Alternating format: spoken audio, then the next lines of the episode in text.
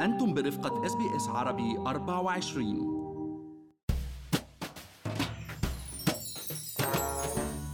حلت الأسر الأسترالية بالمرتبة الثانية عالميا من حيث المديونية بعد السويسريين وتخطى حجم الدين اللي عليهم ال 120% من الناتج المحلي. وصارت اليوم العائلات الأسترالية مديونة بنسبة 10% أكثر من مدخولهم السنوي كمعدل وسطي. بأيام البحبوحة والنمو الاقتصادي ما شكل هذا الرقم هاجس كبير عند الأستراليين. ولكن اليوم ومع الأزمة الاقتصادية اللي عم نشهدها هل رح نقدر نعيش حياة مالية مستقرة بغض النظر عن الديون المتراكمة علينا؟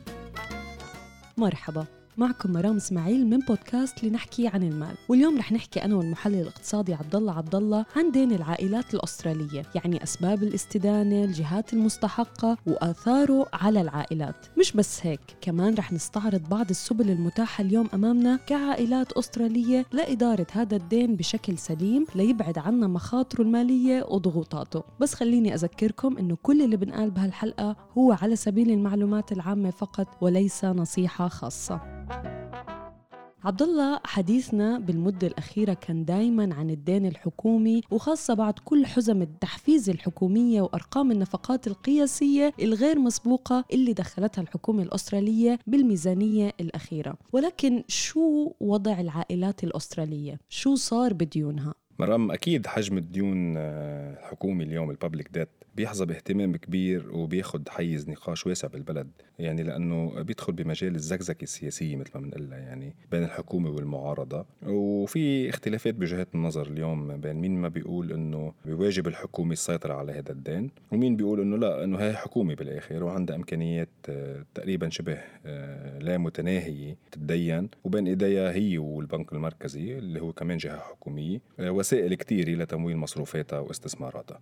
ولحديث اليوم يعني الدين الحكومي آه، نسبته 36% من الناتج المحلي وتقريبا هذا الرقم بعده بالنسب المقبولة. هلأ بس من ناحية تانية آه، ويلي نحن بتهمنا أكثر اليوم نسبة دين العائلات مرام الهاوس هولد ديت هي من الأعلى بالعالم. يعني اليوم كمعدل وسطي الأسر الأسترالية مديونة بنسبة 10% أكثر من مدخولها السنوي. وبظل هيك أزمة اقتصادية لابد منا أنه ننظر لتفاصيل هالأرقام ونشوف شو هي السيناريوهات وآثار المحتملة على الاقتصاد وأكيد عملية التعافي الاقتصادي. يعني بتصور إذا قلنا أنه أكثر من 56 بالمية من هذا الدين يعود إلى قروض عقارية لشراء منازل أكيد مش عم نفاجئ حدا عبد الله. ومثل ما شفنا بحلقة الأسبوع الماضي أنه ارتفاع أسعار المنازل أعطى ثروات الأستراليين دفعة كبيرة بحيث وصلت معدل ثرواتهم الوسطية لمليون دولار. ولكن فئة تانية من الأستراليين لقوا أنفسهم مضطرين يتدينوا مبالغ كبيرة ليدخلوا بالسوق العقاري.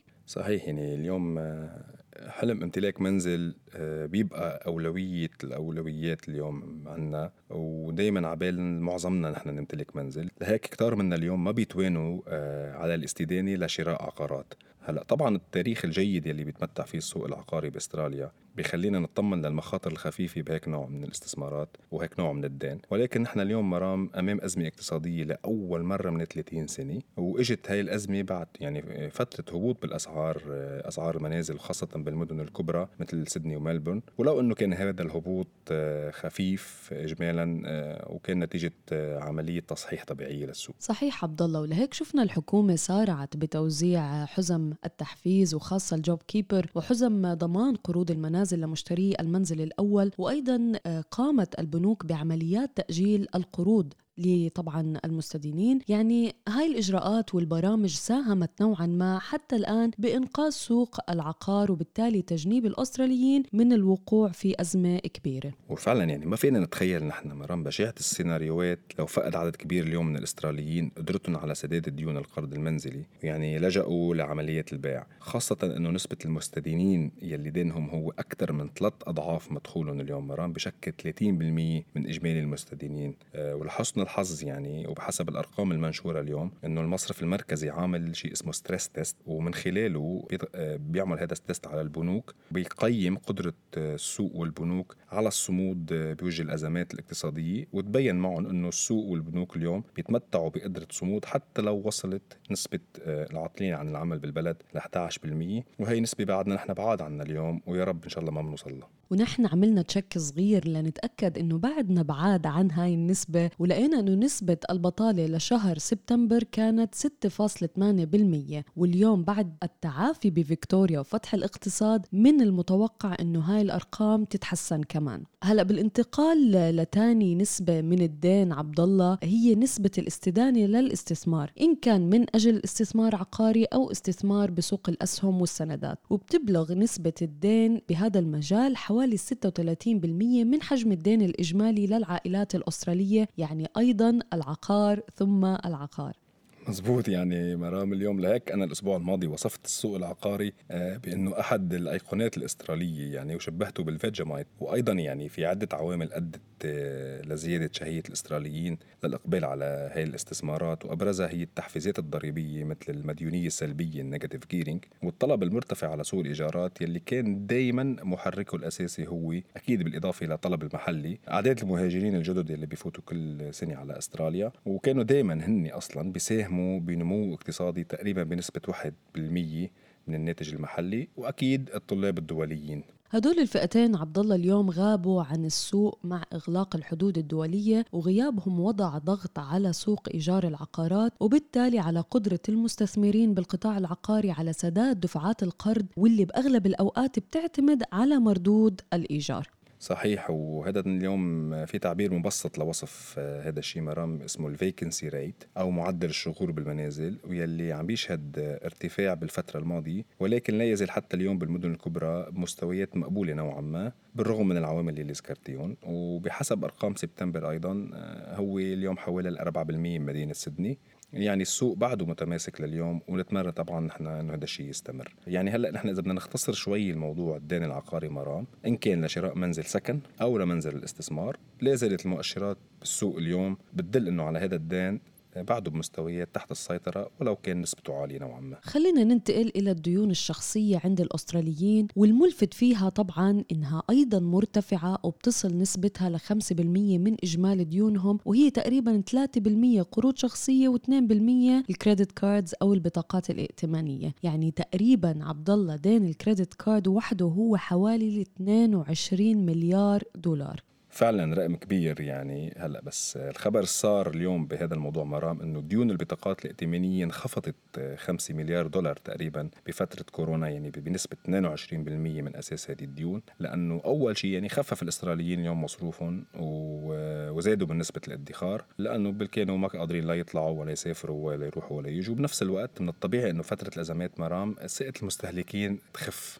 وأيضا البعض لجأ لحلول تانية. أقل تكلفة عبد الله كنا حكينا عنها بحلقات ماضية وهي الحلول البديلة يعني أو المعروفة يعني إذا بدنا نعطي مثال عليها هي ال Afterpay. مزبوط. وإذا بدنا نحن اليوم نصنف الديون آه، بين ديون جيدة وديون سيئة فطبعا الديون الشخصية وخاصة ديون بطاقات الائتمان هي من الديون السيئة. اولا لأنه تكلفتها عالية بسبب الفوائد العالية المترتبة عليها وأكيد الرسوم. وثانيا إنه طبيعة هذا الدين اليوم مرام هو دين استهلاكي. يعني لا مردود منه سوى أشباع رغبات وحش التسوق اللي داخلنا مرام ونحن بأيام الأزمات لابد إنه نفكر منيح قبل ما نقدم على عمليات استدانة مثل هاي. بس بصراحة يا عبد الله ما بضمن لك يعني بعد فتح السوق بفيكتوريا إنه وحش التسوق يضل محبوس هالفترة.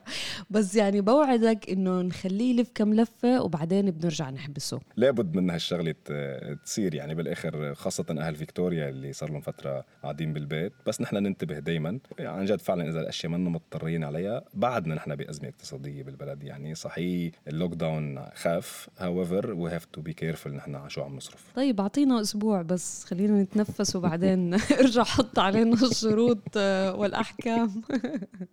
ما بيأثر شروط وأحكام ماشي الحال. أهم شيء نحن آه، نحصي هذا الدين مرام بشكل جيد ونوحده بحساب واحد. يعني اليوم ممكن نستفيد مثلا مثل من عملية تحويل رصيد الدين من مصرف لآخر بتكلفة فوائد أقل أو حتى نغير نوعية هذا الدين اليوم من مثلا دين بطاقة ائتمانية لقرض شخصي. يعني القروض الشخصية اليوم نسبة فوائدها أقل من البطاقات الائتمانية. البطاقات الائتمانية ممكن توصل لنسبه ل 20% بالفوائد وهذه نسبة كتير عالية. ومثل ما نحن دائما بنذكر لابد من القيام بوضع ميزانية لنا بتحصي مدخولنا ونفقاتنا ونحاول إنه أول شيء آه، نعمله هو إنه نسكر كل الديون السيئة وثانيا نبدأ بالادخار. وليش لا بعدها نفكر إنه نفوت بعمليات استثمارية بتسمح لنا نبني ثروة على المدى الطويل؟ ولازم نحن دائما يعني نبقى على اطلاع على أخبار الاقتصاد وخاصة بهالفترة وأخبار الأسواق وتطوراتها ونطلع على آخر التحديثات لنقدر نقدر وضعنا الشخصي وندير ديوننا بشكل علمي وبشكل يكون الدين دين جيد يخولنا نبني مستقبل أفضل. وإحنا من ناحيتنا طبعا أكيد عبد الله رح نبقى سوا مواكبين الأخبار المالية والاقتصادية بالسوق ونقدمها لكم مستمعينا كل أسبوع لنطلعكم على كل ما هو جديد ومفيد عن المال والأعمال في أستراليا.